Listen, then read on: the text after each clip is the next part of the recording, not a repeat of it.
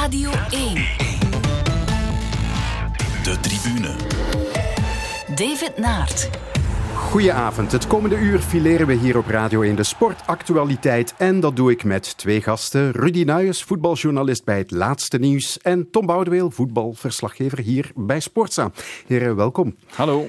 Zullen we beginnen met jullie momenten van de week? En het hoeft geen verbazing te wekken, denk ik, dat die uit het voetbal komen. Tom, dit is jouw moment. Wat gebeurt er hier? Even Ah, ik kijken. denk dat eh, Ruud zijn eh, truitje weggeeft op belofte. Kijk eens aan, kijk eens aan. Hoe blij is die eh, jongen en de papa. Kijk eens, fantastisch. Mooi om te zien. Ja, dat is dan supporter zijn, denk ik. Een shirt dat ze voor altijd zal ingekaderd Ja, maar dat zegt toch genoeg, hè? Ah, dit is voetbal, hè. dit is mooi. Kippenvel. Dat waren Wesley Sonk en Nicolas de Brabander op Proximus Sports. Afgelopen vrijdag moest Kroen Club Brugge een emo-moment, Tom. Eh, ja, dat eh, cor- is correct. Ehm Nicola zei kippenvel en dat kreeg ik ook. Ik heb het, het eh, zaterdagochtend gezien. En ja, ik was daar zo door gepakt. Een beetje emotioneel, echt wel. Omdat het is niet de geste van Ruud Vormer natuurlijk die het eh, shirt geeft, maar het eh, leuke vind ik, het emotionele vind ik, de eerste reactie van, van het kind, maar dan de reactie van de vader. Zo emotioneel. Was die- hij ook aangedaan? Beschermd ja, ik, is? ja, Ik, was, ik was echt heel eh, aangedaan. Ehm, die omhelzing, ook, ook de mensen er rond. Ze, ze leken het he- hen te gunnen ook gewoon. En, en, en, en ja, ze zijn die mensen dan gaan opzoeken, want het was een hit op de sociale media. Eh, iemand uit onze buurt dan nog, uit Nieuwerkerk in eh, Aalst, een doelman van FC Meren. En, en dan las ik vandaag van, het truitje rook naar parfum, niet naar zweet. Dat moet ik dan toch maar eens vragen naar Ruud Vormer hoe dat kan. dat, dat het truitje ruikt naar zweet. Maar het was ik, ik vind het voor mezelf dan, als ik voor mezelf mag spreken, eh, het was zo symbolisch dat het op een zaterdagochtend is, want je kent mij een beetje, eh, op zaterdag ga ik altijd naar het jeugdvoetbal. Altijd, omdat dat is nog het pure voetbal, het, beleven van die jonge gasten, van Ja. die jonge meisjes. Eh, en dat dat dan net op zaterdagochtend was, ja, dat vond ik super. En het is een, ja, een oprecht kindergeluk, Ja. onschuldig geluk ook. En dat komen wij misschien te weinig tegen in ons beroep, hè? In de stadions. Dat is waar en het is de perfecte voorzet, want eh, allee, dat is misschien een bekentenis, maar ik voel me al een hele tijd niet meer thuis in het huidige voetbal. Eh, In, in, in, in het voetbal van voetzoekers en Bengaals vuur en van ja, propere handen, et cetera. Terwijl dit was zo puur, zo intens geluk dat een vader en een kind, wat toch ook nog altijd belangrijk is, met elkaar kunnen delen door één shirt. En ja, dan heb ik dan ook maar getweet van dit moet maar eens eh, regelmatig gespeeld worden in, in de kleedkamer. Dat de spelers weten hoe belangrijk voetbal kan zijn voor supporters, maar ook in de bestuurskamer, dat zij weten van kijk, al die mensen die doen dat voor de club, die doen dat voor die spelers, die ja, eh, geven heel, heel veel geld uit, die volgen die club overal. Ja, vond ik zo mooi. Rudy, jij ook? Ja, ik vond, eh, er sprak pure passie uit. Hè. Het is, eh, ja, het is, waarom jonge, jonge mensen naar het voetbal gaan, eh, opkijken naar die idolen. En als je er dan zo dichtbij kan komen en, en dan ook nog ja, dat shirt krijgt, dat, dat is fantastisch voor zo'n kind. dat vergeet hij nooit meer. En, en blijkbaar de vader ook niet. Ja. Vormer zal in Europa wel even geen shirts kunnen uitdelen. Gaan ze Nee, missen? Hij is drie wedstrijden geschorst. Dat waren dan een paar reacties op mijn tweet ook natuurlijk. Maar ja, maar gaan ze missen morgen tegen PSG? Eh, ik denk het wel, omdat eh, het is weer de vormer van eh, toen Club Brugge kampioen is geworden. Vorig jaar had hij een dipje, maar zoals ik hem de voorbije weken heb zien spelen, als een echte aanvoerder, zijn typische infiltraties ook, zijn assist, oké, hij geeft wel de corners en, en veel vrije trappen, maar zoals hij de motor is momenteel van dit Club Brugge, ja, dan zeg ik dikke chapeau. Ja, Ja. Rudy. Het is eh, Vormer, Vormer van Aken, dat is toch eh, de, ja, het, het fundament van Club Brugge, zeg maar. Eh, ik hoor dan wel dat Balanta klaar zou geraken, maar dat gaat toch niet hetzelfde geven. Ze gaan zijn, zijn drive missen, denk ik. Er gaat zoveel energie van Vormer uit en dat straalt af op een elftal. Eh, hij trekt mensen mee en dat gaan ze toch missen, denk ik. Ja, maar in België lijkt ze er toch met kop en schouders bovenuit te steken. Hè? Oké, op Moeskroen, het was niet goed, maar ze winnen wel. Nee, dat is het belangrijkste. Zeker Onlangs met ook die match tegen Gent bijvoorbeeld ook. Wat een ja, verschil, hè? dat is het belangrijkste. Als je vrijdag... Ja, ze hebben al veel punten verloren in Moeskroen. En de voorbije jaren lieten ze ook punten voor een Champions League-wedstrijd en na een Champions League-wedstrijd. Terwijl nu zijn ze sec, droog, drie punten gaan pakken. En who cares? Niemand weet het nog over een paar weken, maar ze staan er wel. Het zegt iets over de kracht van, eh, van dat elftal. Dat je ook zo'n wedstrijden waarin het allemaal eh, wat minder loopt, wat minder draait, waar eh, de tegenstander toch ook eh, delen van de wedstrijd in handen heeft, dat je dan toch eh, die zegen over de streep kan trekken. En eh, ja, op die manier denk ik dat er weinig aan Club Brugge te doen gaat zijn als ze ook dat soort wedstrijden eh, winnend afsluiten. Oké, Rudy, we gaan eens luisteren naar jouw moment. Dat komt ook uit het voetbal. montrer l'image ici. Voilà, je vais vous la montrer parce qu'on a des moyens informatiques, d'accord, qu'on peut, qu'on peut utiliser. Voilà. Ça, c'est l'image du ballon qui sort, ok, où tous mes joueurs s'arrêtent. Et le juge de ligne est juste en face. On le voit. Le ballon est dehors. Moi, je vous dis que le ballon, il est dehors et qu'avec tous les moyens informatiques qu'on a aujourd'hui, c'est pas normal qu'on laisse passer une action comme celle-là. Ja, was de verrassing match. eh Standaard Racing Genk. Waarom heb je dit gekozen? Wel, ja, ik, ik kan Felice Mazou ergens wel eh, begrijpen in eh, de emotie van het moment. ehm, maar hij heeft natuurlijk helemaal ongelijk. ehm, hij zegt dat, eh, dat, dat het duidelijk is dat die bal buiten is. Dat is met geen enkel beeld duidelijk te maken. Eh, ehm, eigenlijk zou je ja, 3D, 3D moeten hebben om, om dat helemaal duidelijk te Ja. maken. Er is ook, je kan ook niet zeggen dat, met zekerheid zeggen dat, dat de bal... eh, niet buiten was. Het geldt langs de twee kanten. We, kunnen daar helaas eh, geen vat op krijgen. Eh, maar het geeft nog eens aan eh, hoeveel verwarring er ook heerst onder voetbalmensen zelf over wat de VAR al dan niet ma- mag doen. Ehm, ja, er moet een clear error zijn. En hier kon, kon, niemand spreken van een, van een clear error, want niemand, niemand kon die clear error zien. Ja, hoe komt dat eigenlijk dat zoveel mensen in het voetbal nog altijd worstelen met de regels, VAR wel of niet? Want zo moeilijk is het toch niet? Ja, iedereen eh, verwacht dat alle fouten eruit worden gehaald. En het blijven mensen. En er is voorlopig geen continuïteit. Dus het niveau van de VAR ligt nog niet hoog genoeg. En dat weten ze zelf ook wel. Maar het is eh, ja, heel moeilijk ook gewoon, denk ik. Mensen zouden zich echt moeten eens neer, neer gaan zitten en zien van wanneer wel en wanneer niet. En voorlopig weten ze dat bij de VAR ook nog niet altijd, omdat, en dat hoor je vaak bij scheidsrechters ook, de ene spreekt voortdurend in het oortje van de scheidsrechter, wat toch verwarrend is voor een hoofdscheidsrechter. Eigenlijk moeten we naar een VAR gaan die nauwelijks eh, tussenkomt, nauwelijks communiceert met zijn scheidsrechter. Ja. Dus het probleem is dat de mensen, de supporters, de spelers, de trainers, echt niet weten wanneer hij mag tussenkomen en vooral waarom hij tussenkomt. Want wij thuis zien het wel, maar er is nog geen communicatie. En we hadden het verhaal van de schermen, maar als je naar Westerlo of naar Eupen gaat, ja, daar kan je niks projecteren. Ja. En zou het een oplossing zijn eh, als wij die communicatie zouden kunnen horen?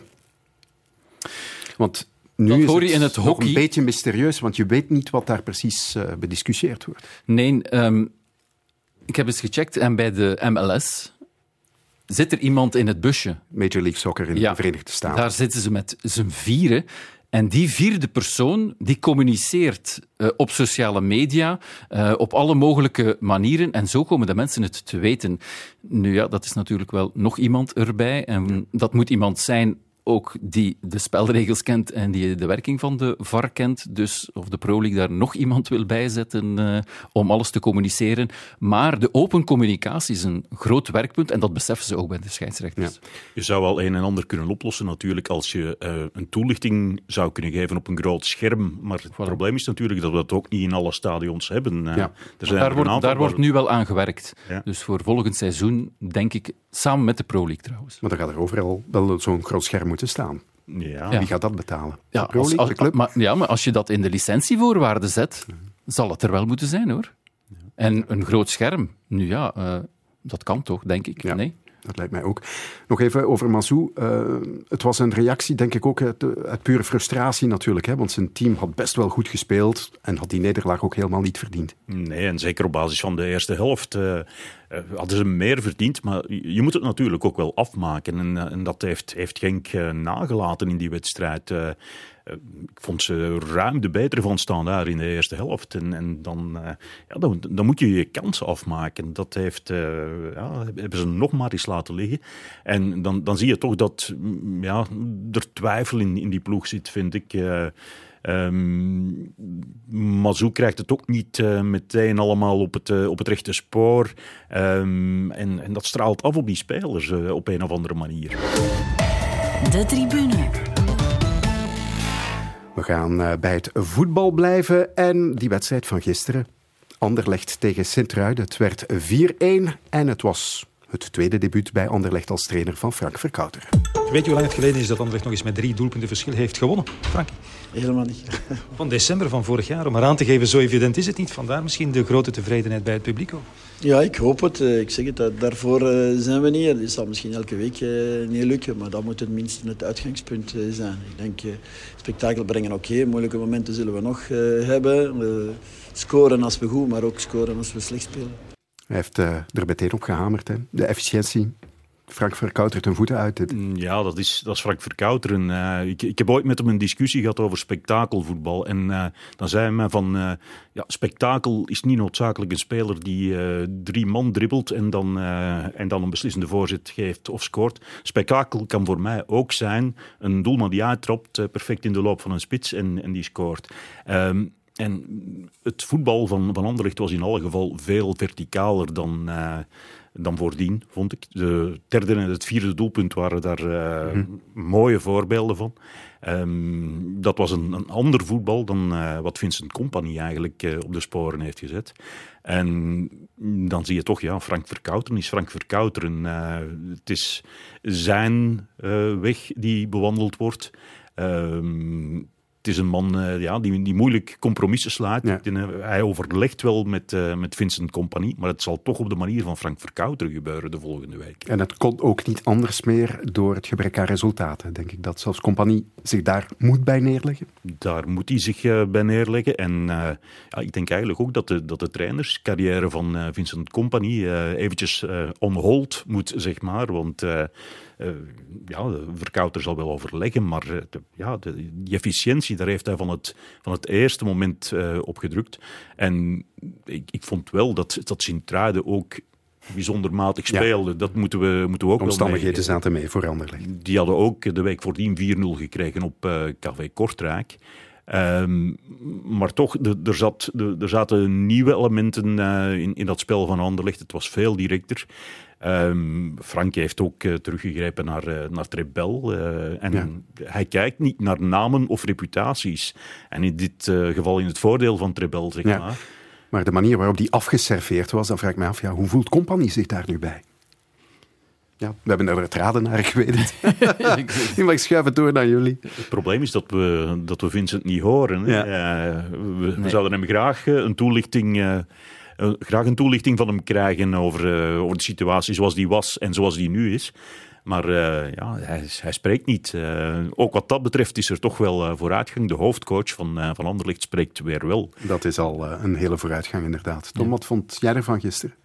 Uh, het was helemaal anders, zoals uh, Rudy zegt. En het was een beetje de stijl van Frank Verkouteren. Uh, ik heb hem nu al een hele tijd gevolgd. Ook bij Cercle Brugge, ook bij Oud-Heverlee Leuven zag je die verticaliteit. En ik denk dat die stijl eh, perfect past bij, uh, bij Anderlecht. Omdat je uh, bij verticaliteit heb je technisch goede spelers nodig. Mm -hmm. Heb je ook spelers nodig die in die eerste aanname het verschil kunnen maken. En dat hebben ze allemaal. Ze hebben snelheid op de flanken, ze hebben explosiviteit op de flanken. Dus als je goed in organisatie speelt en je kan snel uitbreken.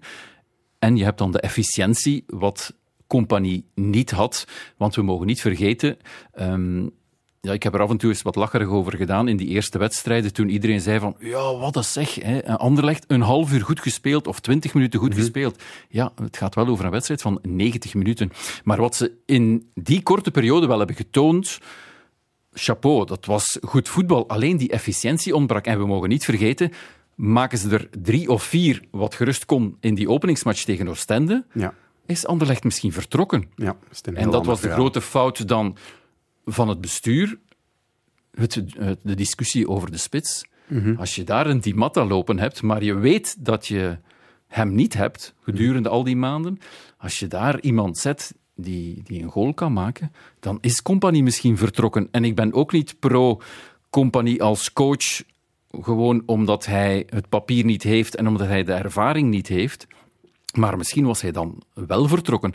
Maar de zet van Frank Verkouteren lijkt mij een uh, gouden zet, omdat je van een romanticus gaat, van iemand zoals veel beginnende trainers hopen van het voetbal van Barcelona of van Guardiola te spelen, wat ja, onzinnig is.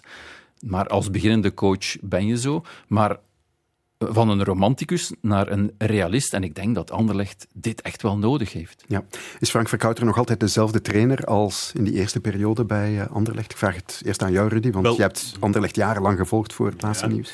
Ik denk dat hij, uh, dat hij in zijn beginjaren toch uh, iets avontuurlijker was. Ehm, uh, ik herinner me die, die periode toen hij de eerste keer heeft overgenomen met, uh, met Jean Dox uh, en toen Ariane 2005. Oh nee, nog vroeger. nee, nee, vroeger, vroeger. 98, ja. toen, toen ze dramatisch gestart waren en zestiende stonden. En hij ze samen met Jean Dox nog naar een derde plaats heeft geloodst. Um, dat was vaak met, uh, met heel spectaculair voetbal. Uh, ik herinner me dat ze, dat ze op het einde van het seizoen met 0-6 gingen winnen op, uh, op Standaard dat, uh, dat was in het begin van dat seizoen ondenkbaar. En, maar ik denk dat, dat Frank in, in de loop der jaren toch uh, iets realistischer uh, is geworden. Um, en die periode nadat hij heeft overgenomen van, van Hugo Broos. Um, als, als, je zegt, als je spreekt over een, een, een evenwicht in een elftal van offensieve mensen en, en defensieve mensen. ja, bij Frank waren dat toch vaak zes defensief ingestelde mensen ja. en, en vier offensieve in die periode al. Dus dat realisme dat heeft hij gaandeweg toch wel uh, in zijn spel uh, uh, weten te leggen. Haalt Anderlecht play-off 1? Ik denk het wel. Uh, dus ja. misschien raar om te zeggen. maar ook vier punten ja, van de top Er staan natuurlijk wel wat uh, teams tussen, maar ik, ik, denk het wel, ja. Uh, als je ziet met welk team ze gisteren stonden, dat is bijna niet te geloven. En als je die verdediging ziet... 19 ze, jaar jong. Ze, ze hebben het geluk inderdaad wel mee. Smaars en, truiden, en met alle ze respect. gaan, ja, tegen betere teams komen ze daar niet mee weg. Maar er is wel kwaliteit. En ja, ik denk dat als, uh, als een Di Matta terugkomt, wat toch een doelpuntenmaker is, uh, en als Roof begint te scoren, dus allee, iedereen, ze mogen uh, Shadley op hun blote knieën bedanken. Allee, dat is voor mij de ontdekking ja. van, van, van Anderlecht, sowieso. Dankzij compagnie. Ja, ja, ook al. Zeker. En, en wat, je, wat je ook krijgt, want er is, er is de voorbije weken vaak gezegd van ja, te veel beroep doen op, uh, op al die, die jonge spelertjes. Maar als je als Vincent Company nu terugkomt en uh, je hebt die achteraan, je hebt Rebel met zijn beperkingen, uh, maar ook, toch ook met zijn defensieve kwaliteiten. En je hebt Chadley vooraan, dan heb je in elke linie een ervaren speler die die, ja. jonge gasten mee kan trekken. Dus dan, dan staat er wel iets en dan denk je dat zij in staat moeten zijn om play-off 1 te halen. Ja. Nu staan ze op vier punten van de top 6. Een ploeg die nu al stevig in die top 6 staat, is AA Gent. Maar de wel binnen voor AA Gent. Zoveel is duidelijk. 2-0. Die elfde thuiszege op rij. Toch wel uh, straf is uh, binnen. Dus een uh, nieuw record. En ja, tien zegens op rij onder Yves van der Hagen. Twee seizoenen geleden. En nu onder Jes Torroep 11 zegens op rij. 11 thuisoverwinningen. Ja, sinds 19 mei hebben ze alle wedstrijden in de Gelamco Arena gewonnen, de Buffalo's. Jij bent de Gent-watcher nu, Rudy. Wat is het geheim van AA Gent?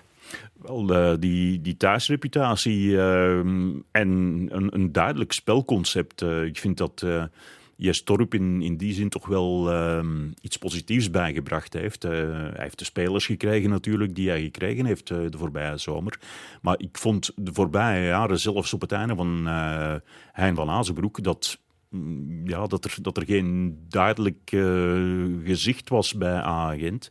Uh, en nu heb je eigenlijk uh, die, die vaste veldbezetting met die ruit op het middenveld, uh, waar technisch begaafde spelers, ik denk aan Ojija, Kums, Oezo, David, die, ja, het is makkelijk om, om, om driehoekjes te vormen als je zo die bij elkaar speelt.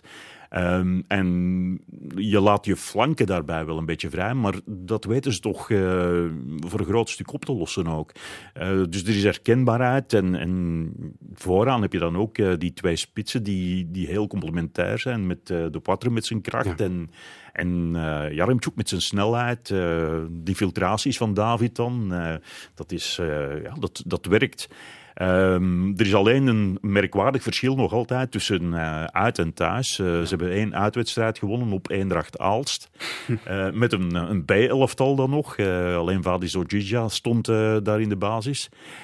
Dus daar moeten ze toch nog iets aan doen. Maar je merkt in die thuiswedstrijden ook wel. De, de Gelamco Arena is, is lang een dode boel geweest. Uh, ja. uh, en daar heerst terug sfeer. daar schreeuwt de ene tribune tegen de andere op. En ja, de, de mensen vermaken zich in die thuiswedstrijden. Ze hebben alleen al dit seizoen in, in de, de tien thuiswedstrijden hebben ze 32 doelpunten gemaakt. Dat is... Uh, spektakel. Dat is, ja, dat is spektakel. Ja. Wat mij het meest opviel gisteren, was dat ene Laurent de Poitre, dat, ja, die straalde niet echt veel geluk uit. Dat hij, hij, was, hij was niet echt blij. En dat vond ik zo typerend. Hij zei het ook in de interviews achteraf. Ja, ik heb wel gescoord, maar ja, ik kan niet gelukkig zijn omdat ik niet goed speel. En dat wil zeggen dat die spelers die nu aan het spelen zijn bij Gent, dat voor zichzelf de lat hoger aan het leggen zijn en dat ze niet meer tevreden zijn met een 2-0 tegen Waasland-Beveren. Stel je voor. Ja. Dus, en dat is een goed teken voor heel AA Gent. Dat wil zeggen dat vanuit de spelersgroep, waarschijnlijk ook zelfs zonder de coach, dat vanuit de spelersgroep ze zichzelf naar boven aan het duwen zijn om de lat hoger te leggen voor zichzelf. Ja. En dat vind ik wel straf. Ja, en ik vond, ik vond uh, tegen, nu tegen Waasland-Beveren ook van... Uh, um, Bezos die mocht nog eens een, uh, een, kwartier invallen. En dan, dan zie je vaak van dat soort spelers dat ze uh, op eigen succes uit zijn. Dat ze zich absoluut individueel willen tonen. En dat was bij Bezos helemaal niet het geval. Die, uh, die zat fantastisch in de combinaties. Die, die trok openingen voor anderen. dus ja, als er achter die, die basis zelf die sterk is, als daar ook nog een, een aantal jongens op een heel positieve manier zitten te pushen om, om ook dat plaatje af te dwingen, dan heb je wel wat. En hij heeft een brede kern. Mm -hmm. Zeker, want vanmorgen was er een oefenmatch tegen Beerschot. 8-0 gewonnen, oké. Okay. Uh, Vierkerk Ik ben zelf spits geweest. Een, een, een, een goalgettertje zo hier. Ik, ik hou enorm van Filitaya. Hij heeft er vier gemaakt. Maar die hebben ze ook nog achter de hand voor... En, en niemand spreekt nog over Jacques. Ja. Die is er ook nog, hè? Dat is een van de Golden Boys. Hè? Ja, en nu donderdag komt uh, Wolfsburg in de Europa League. Wordt het een uh, twaalfde opeenvolgende thuiszege? Wel, dat, uh, dat wordt inderdaad de serieuze test, want uh, je, je, moet wel, uh, de, bij die, bij die zegereeks moet je er wel aan toevoegen dat daar uh, de Cerkelenbrugges en, en de Waasland-Bevers tussen zaten. ze hebben ook wel Saint-Etienne geklopt. ze hebben in de Europa League, in die voorrondes, hebben ze, hebben ze thuis ook elke tegenstander opzij gezet. Maar Wolfsburg wordt toch iets anders. Dit wordt een grote test om te zien of dat fort waar Jes dan altijd uh, over spreekt. Of dat ook stand houdt tegen een ploeg die het momenteel uitstekend doet in, uh, in de Bundesliga. Uh, die nog geen enkele keer verloren heeft, die eh, amper doelpunten weggeeft. Ehm, daar staat tegenover Gent, ja, scoort in elke wedstrijd, behalve in die ene... ja, die uitschuiver op Kulbrugge. Ja. Um, dus dat, dat wordt een heel boeiend duel om, ja, om naar uit te kijken. Radio 1. De tribune. Je luistert inderdaad naar de tribune en mijn gasten zijn twee voetbaljournalisten Tom Boudeweel van Sportza en Rudy Nuyes van het Laatste Nieuws. Niet alleen AA Gent heeft 20 punten in het klassement, ook KV Mechelen heeft er 20 en KV mag zich voorlopig misschien wel de seizoensrevelatie noemen. Hermans is mee, Hermans is mee, dat is goed gezien. Hermans heeft nu de bal. Timon is ook mee op de linkerkant en op de rechterkant. Er is zoveel plaats. Het is 3-1. Het is 3-1. Jordi van Lerbergen en iedereen sprint naar de jonge middenvelder. Want KV Mechelen heeft de drie punten beet. Jij was erbij gisteren achter de kazerne, Tom. Wat is het geheim van KV Mechelen? Uh, het belangrijkste, ik heb er twee denk ik. Het belangrijkste is dat het gewoon het team van vorig jaar is. Mm -hmm. Met Hermans erbij. Uh, Engval is nog uh, geblesseerd. Maar ja, die automatismen die zitten erin geslepen. Iedereen kent iedereen. En dat is de grote kracht. Want terwijl veel ploegen nog moeten bouwen in de voorbereiding, op het einde van de voorbereiding uh, stopt er nog een bus en stappen er nog zeven uit, bij wijze van spreken. Mm -hmm. Ja, bij KV Mechelen staat er alles. Het is dezelfde coach, het zijn dezelfde spelers die elkaar kennen. Plus, ze hebben ook een gemeenschappelijke vijand natuurlijk na de affaire. Um, ze hebben zich verenigd, het publiek, de spelers, de trainers van hey, kijk eens, ze hebben ons niet klein gekregen. En dat is de sterkte van de kleedkamer. Ja, het is merkwaardig. Het leeft ook als nooit tevoren in Mechelen, ondanks uh, ja, alles wat er gebeurd is met het de heeft altijd geleefd, veroordeling ook. Het, het, heeft altijd geleefd. Ja, maar uh, dit is toch uh, stilaan zelden gezien. Uitverkochte stadions, mm -hmm. dat maak je daar toch niet al te vaak mee. En zeker niet twee matchen na elkaar. Ja, door heel die affaire heeft, uh, heeft de club en, en zijn aanhang uh, zijn ziel niet verloren, zou ik zeggen. En die ziel die is eigenlijk nog wat sterker geworden als je die fans bij zich ziet. ik heb daar de voorbije maanden ook verhalen vanuit supporters gehoord van, die, die er toch wel bij stilstonden dat een aantal bestuurders in die club gekomen zijn en het, en het eigenlijk een beetje naar de vaantjes hebben geholpen, zeg maar. je moet ook rekenen, die supporters, daar zijn veel mensen bij die bij het faillissement zelf geld in de club gestoken hebben.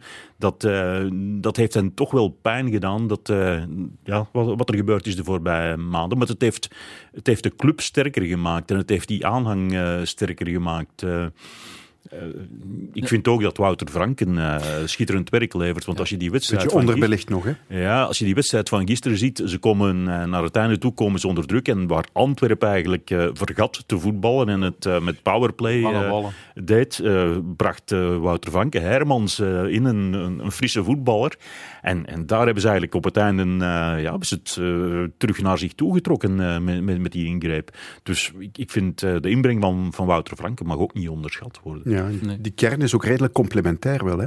Ja, ze hebben alles. Hè. Ja. Ze kunnen op verschillende manieren spelen. Togi uh, met snelheid, De Camargo grootman, Engval, uh, de lopende mannen, Kaya als voetballer. En dat was het grote probleem met Van Wijk in het begin van het seizoen. Hij had al die leuke voetballers en hij bleef maar zijn stijl lange ballen droppen. Terwijl, ja, met, met Schoofs erbij, ik zeg het, met Storm, heb je zoveel leuke voetballers. En Franken heeft hen laten voetballen. En dat was het, de grote winst. En ik wil, wat Rudy daar zegt, ook met die supporters. Ja, de supporters zitten ook in de club, in het ja. bestuur.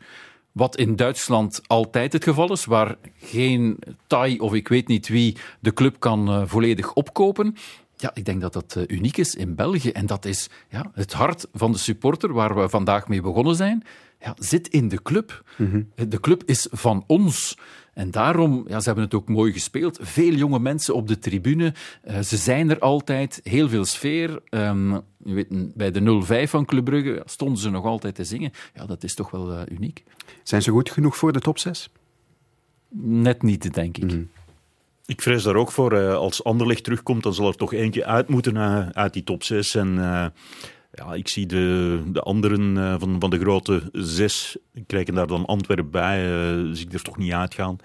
Um, ik denk dat de, de verschillen qua, qua middelen, en dan heb ik het vooral over financiële middelen, dat die zo groot geworden zijn dat, uh, dat het de volgende ja. jaren uitzonderlijk zal uh, worden. Dat, dat er een, uh, een club tussen kan komen. die grote die geven makkelijk 4, 5 en meer miljoen uit. Terwijl een transfer van 600.000, 700.000 mm. voor al die andere clubs ja. al een, een, gigantische investering is. Het budget van Mechelen is 14,5 miljoen. Hè? Wel, ja, dat moet zich ergens vertalen. Ik denk dat dat het grote probleem wordt. Want we vergeten, ze zijn wel kampioen geworden. Maar ik vrees dat de cijfers die uh, zullen bekendgemaakt worden uh, op het boekja na, het boekjaar, dat ze heel veel zullen geïnvesteerd hebben en ik weet niet of ze dat nog allemaal op de bankrekening hebben staan. Ik uh, gooi absoluut geen steen of ik beschuldig niemand, maar een jaar in 1B, en dat weten nu alle clubs die daar spelen, vraag maar eens aan Union dat zijn budget verlaagd heeft, um, het heeft enorm veel gekost. Dus ik ben wel benieuwd nu naar uh, de cijfers die ze gaan uh, bekendmaken. Ja, en Mechelen is ook een uh, club, Tom, waar, waar, journalisten worden belaagd in de perstribune. ja, door de beestjes. ja, de, de, nieuwe tribune is fantastisch, maar de lampen hangen net boven ons hoofd. En zeker in de zomer, maar nu zelfs nog in oktober, komen daar vliegjes en muggen en wespen naartoe. En als die Icarus, ja, Icarus indachtig uh, te dicht bij de warmte komen, dan vliegen ze naar beneden. En dus moet je eigenlijk een kap opzetten of uh, er zit voortdurend ongediert in het weinige haar dat er nog op staat. Maar goed, de winter komt eraan, Tom. Uh, dat is wel dan lost zich dat wel op. Maar ja, we moeten het echt beginnen vriezen wel. Hè. Goed, van de hemel gaan we even naar de hel. Charleroi was eigenlijk al zeker na 45 minuten. En dat betekent dat er nog eh, enorm veel werk is voor Bernd Stork, de nieuwe trainer van Cercle Brugge. Ik zal niet zeggen dat het een palliatieve patiënt is, Cercle Brugge. Maar er zal toch een serieus infuus nodig zijn om ze weer levensvatbaar te maken voor 1A. Want ze zijn met de billen bloot gegaan op deze regenachtige zondagavond. Cercle Brugge 0, Charleroi 3. Het was een en al tristesse gisteren in Jan Breidel. Komt het nog goed met Cercle? Ik denk het niet. Mm, ja, ik vrees daar ook voor. Uh, wat we net zeiden over KV Mechelen, die ziel die, die daar aanwezig is, ja, die ziel die is Cercle Brugge kwijt uh, sinds, uh, sinds de overname in 2017.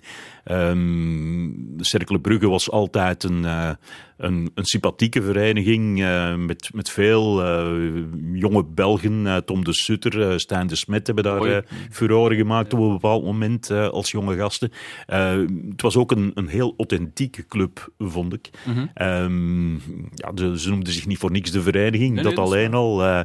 En, maar, maar, dat zijn ze allemaal kwijt. Uh, je ziet spelers op dat veld die, die uitgeleend zijn door Monaco, die geen betrokkenheid hebben.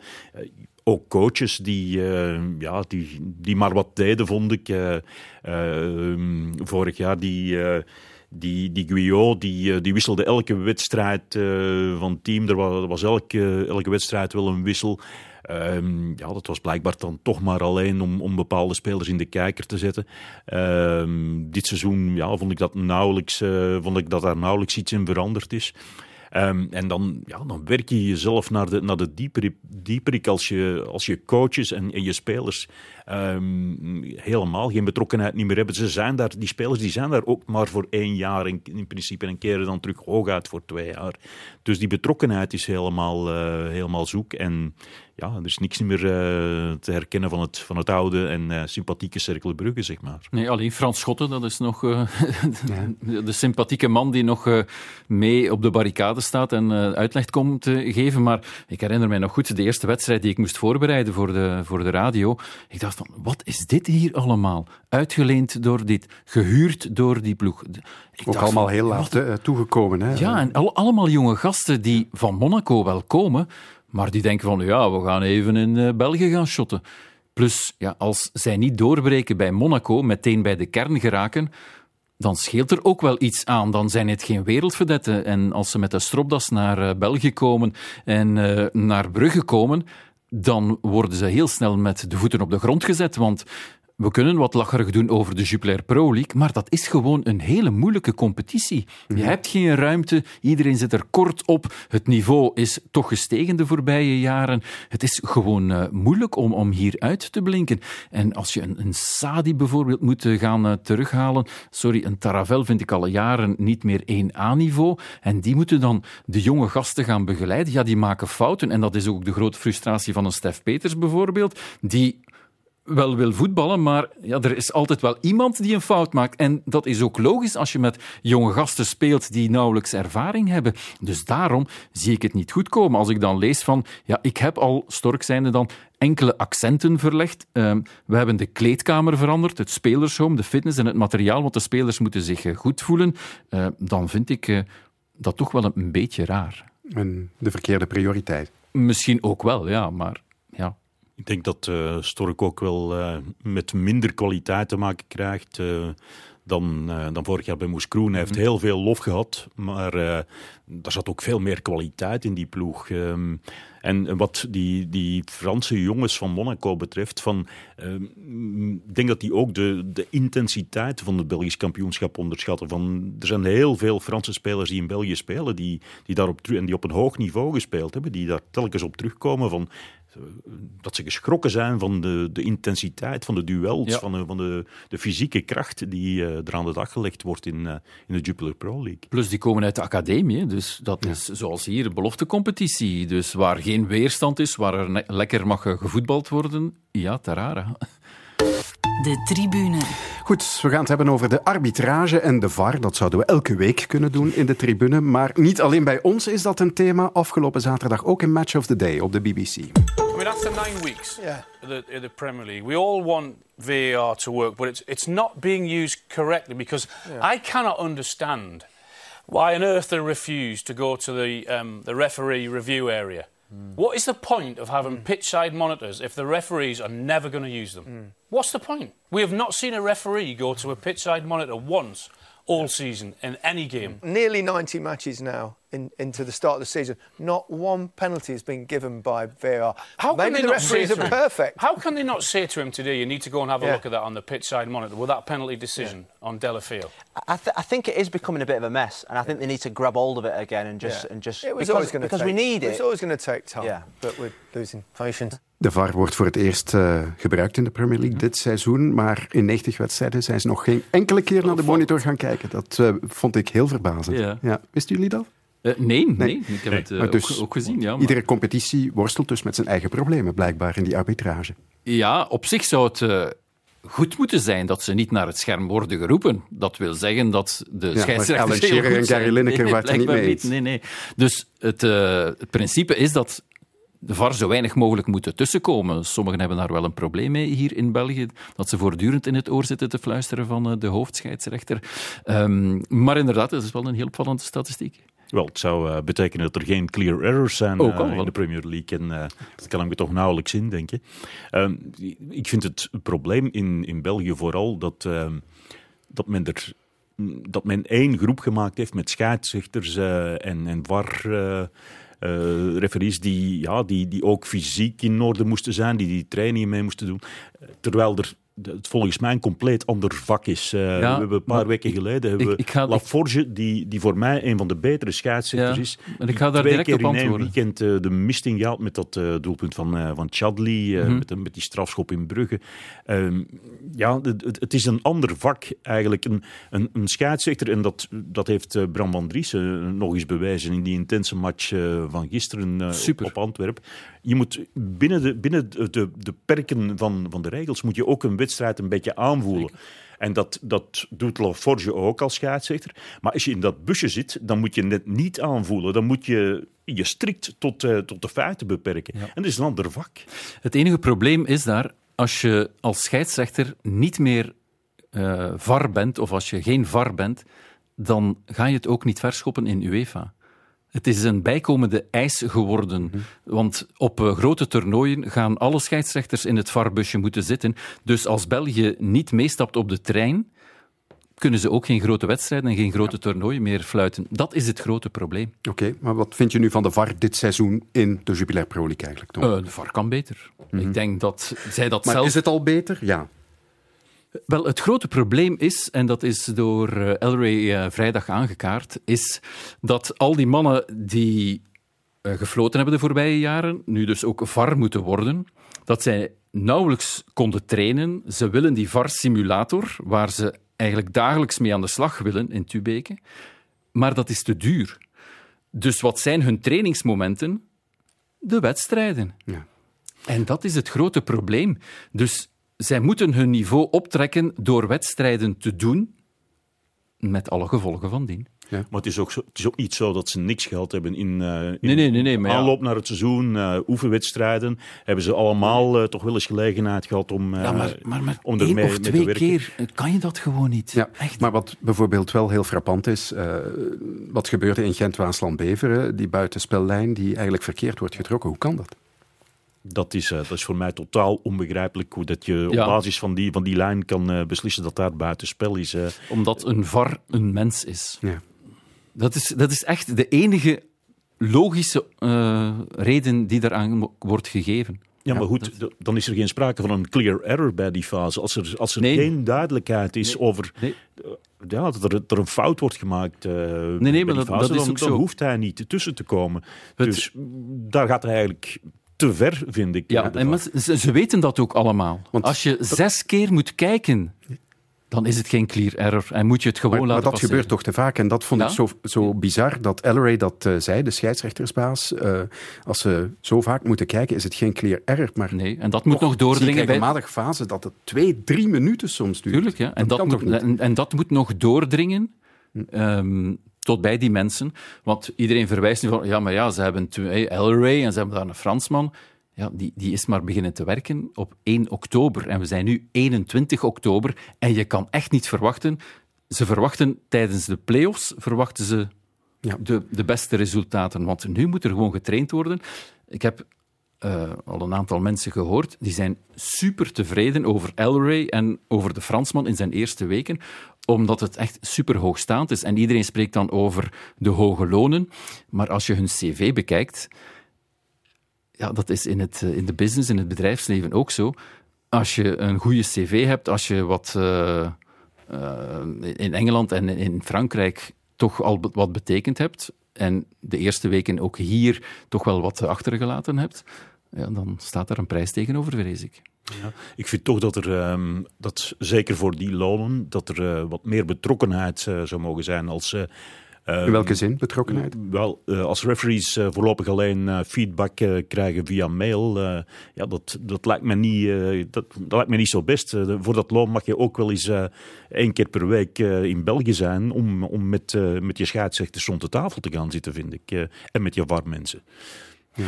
De communicatie, daar schort ook toch wat dat aan. Is, met... Dat is het grote probleem nu. Ja. Uh, we hebben nee, er al even die, iets die schorsing nu van uh, Lardo, twee speeldagen geschorst omdat hij aan de pers toelichting geeft bij enkele van zijn beslissingen, dat ja, is toch dat, hoogst ongelukkig. Ja, maar ik mag het niet zeggen, maar ik geef de hint, hij is niet geschorst omdat hij gesproken heeft met de pers. Er zit iets meer achter en het gaat over collegialiteit, maar meer mag ik daar niet over zeggen. Dus, Jammer. ja, well, ja, dat heb ik beloofd.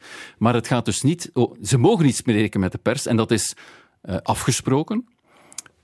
Naar verluid, omdat, wat ik zag gisteren, Makkeli, de Nederlander, in studio voetbal zitten. Maar ja. dat is natuurlijk van een ander niveau. Dat is al jaren een elite-scheidsrechter, heeft zijn eigen Instagram-account, et cetera, et cetera. Die man staat er Voorlopig vinden ze onze scheidsrechters nog niet sterk genoeg om eenduidig, uh, hoofdscheidsrechter VAR, om samen naar buiten te komen. Mm. Dus voorlopig moeten ze toestemming vragen aan Frank de Blekeren.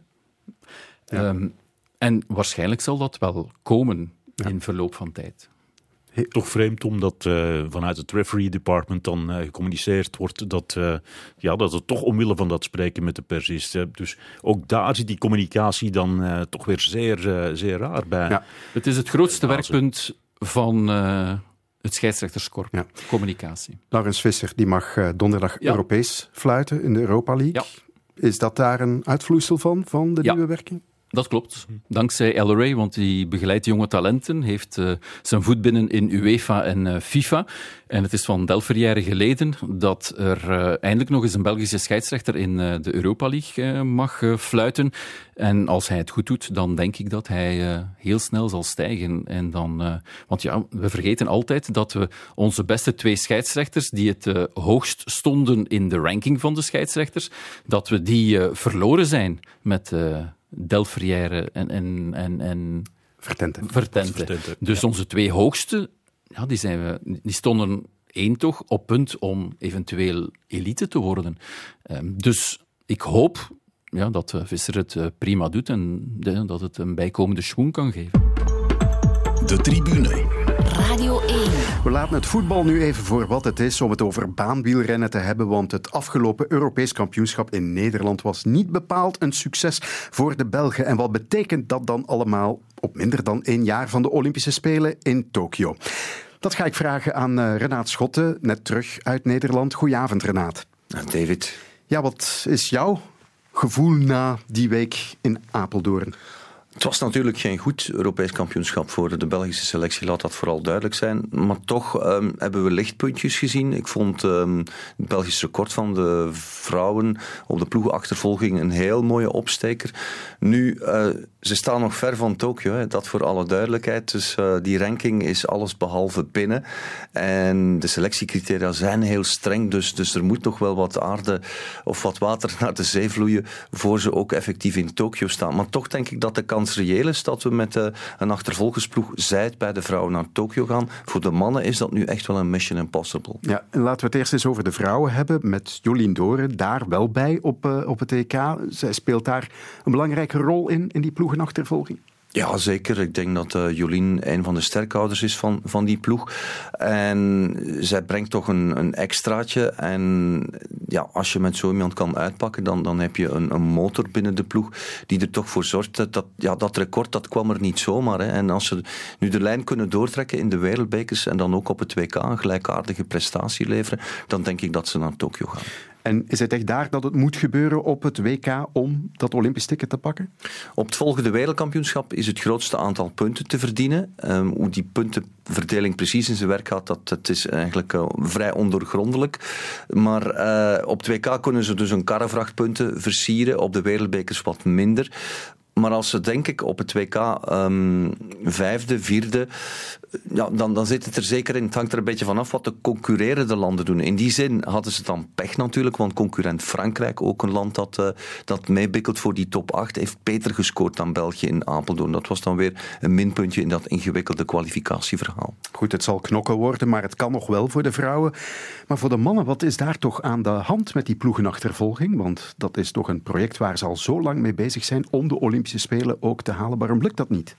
Het probleem is eigenlijk dat ze uh, verbeterd zijn, maar niet genoeg. Mhm. En de andere landen zijn ook verbeterd. Want eigenlijk is dat een heel positief verhaal. Als je ziet van waar de ploegenachtervolging komt op vrij korte tijd van een Belgisch record van 4.03 of daaromtrent. En nu zitten we al onder de 3.57.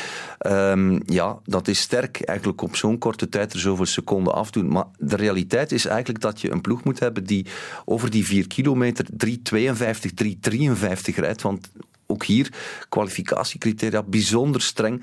Eigenlijk is het van de pot gerukt en zou het IOC toch altijd de twaalf beste landen naar dat uh, uh, toernooi moeten sturen. En ja, nu moet je toe met de top 8 van de wereld. En dat is eigenlijk, eigenlijk een beetje te, te, ja, te rigide als kwalificatiecriterium. Ja, als het om medaillekansen gaat voor ons land op de piste in Tokio, dan uh, wordt er gekeken naar de ploegkoers, mannen, vrouwen. En Nicky de Grendelen op de keirin. Laten we het eerst over de Grendelen hebben. Ex-wereldkampioenen, ex-vice-Europese kampioenen, maar de laatste kampioenschappen niks. Hoe komt dat? Dit jaar op het WK natuurlijk is ze in de zak gezet, om het een beetje kleurrijk uit te drukken. Um, dat was echt een heel omstreden beslissing. Um, gedeclasseerd in de halve finale om dubieuze redenen zou ik durven zeggen. Oké, okay, er was een klacht van de Australische uh, federatie. Die hebben alle recht natuurlijk om dat te doen. Maar daar had ze een verwittiging moeten krijgen en vervolgens de finale rijden. Dus dat zou wel een ja. ander verhaal geweest zijn. Nu in Apeldoorn op de EK was het ook weer een... Ja, dan heeft ze de finale eigenlijk schitterend gehaald. Eerste ronde, makkelijk gewonnen Halve finale, comfortabel gewonnen. En in de finale maakte ze dan eigenlijk een paar inschattingsfoutjes. Laat het ons jeugdzondes noemen. En uh, als positief verhaal bekijken, als ze die fouten niet maakt in Tokio, dan zal ze dicht bij een medaille zijn en misschien wel Olympisch kampioen worden. Want ze is nog jong, hè? ze is nog maar 23, die ja. Grendelen. Maar toch is het vreemd, voor een niet-kenner als ik dan, uh, dat een ex-wereldkampioene ja, het zo moeilijk heeft om haar moment af te wachten in zo'n race. Dat ze bijna op alles uh, sprong. We mogen niet te hard zijn, denk ik, want het hangt van zoveel kleine details ja. af. En beslissingen die je neemt in, in, een fractie van een seconde, dat is echt wel een nummer op leven en dood. Hè. En ja. zij heeft een koelbloedigheid die veel andere sprintsters niet hebben. Dat is haar grote troef. En ze was eigenlijk ontypisch te grendelen in die finale van het EK gisteren. En dat heeft haar een medaille gekost. Plus, ze is eigenlijk ook niet bezig met, met zilver of, of brons. Ze ging voor goud. Mm -hmm. Vanuit die optiek rijdt ze die koers.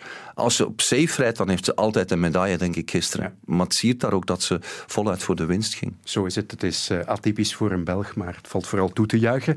Tot slot, Renaat, de ploegkoers. Daar zaten we met twee teams die niet op volle kracht aanwezig waren, denk ik, in de nee. finale twee noodploegen. Um, ja, de vrouwenploeg zonder Doren vooralsnog, omdat ze nog niet 100% hersteld is van die elleboogbreuk. En ja, een elleboog en zo'n aflossing in de Madison moet er geen tekening bij maken. Dat is een gevoelig punt. Dus ze heeft uh, ervoor gekozen om die nog even te laten rusten. Maar wanneer we met Kopecky Doren op de baan kunnen komen, dan is België met de eerste wereldkampioens uit de geschiedenis van dit jonge nummer absoluut een, een factor om mee rekening te houden voor goud mm -hmm. in Tokio. Uh, bij de uh, ja, daar was natuurlijk uh, Gijs de Ketelen, uitredende Europese kampioen van Glasgow vorig jaar. En Gijs is dan ziek geworden in de aanloop, eigenlijk tijdens het EK. Ja, dan moet je depaneren. en dan komt de 19-jarige piepjongen op dat niveau, Fabio van den Bossen, op de proppen, maar die heeft nog niks kunnen waarmaken, wat eigenlijk heel normaal is gezien zijn nog jonge leeftijd. Dus ehm, ook daar, ja, verontschuldigingen, maar ze tellen wel. En dus ik denk dat als we met onze twee topploegen van het moment naar die kampioenschappen kunnen gaan, Berlijn, tweede kampioenschap, begin volgend jaar en Tokio, dat er nou wel iets mogelijk is. Dat is goed om te weten. Dankjewel, Renaat. Radio 1. De tribune. En daarmee zijn we al eh, aanbeland in de laatste minuut van de tribune. En die ronden we af met mijn studiogasten Tom Boudewil en Rudy Nuyes. Waar kijken jullie nog naar uit deze week, Rudy? Wel, uh, naar de Europese week die eraan komt. Uh, want dat wordt toch wel een hele speciale. begint morgen met uh, Club Brugge dat tegen de nummer 1 uit de League aanspeelt. woensdag Racing Genk tegen de nummer 1 uit de Premier League. En donderdag Gent tegen de nummer 1, gedeeld nummer 1 uit de Bundesliga. Ehm, de voorbije jaren vaak gezegd dat Belgisch voetbal erop vooruit gaat. Dit is een moment om te zien waar we staan. Tom heeft het allemaal al gezegd in jouw plaats, denk ik. Ja, ik heb er speciaal voor mijn uh, training aangedaan. Mijn training van Paris Saint-Germain. Want morgen is het uh, Brugge tegen Paris Saint-Germain. En met dezelfde emotie als in Real Madrid ben ik tevreden.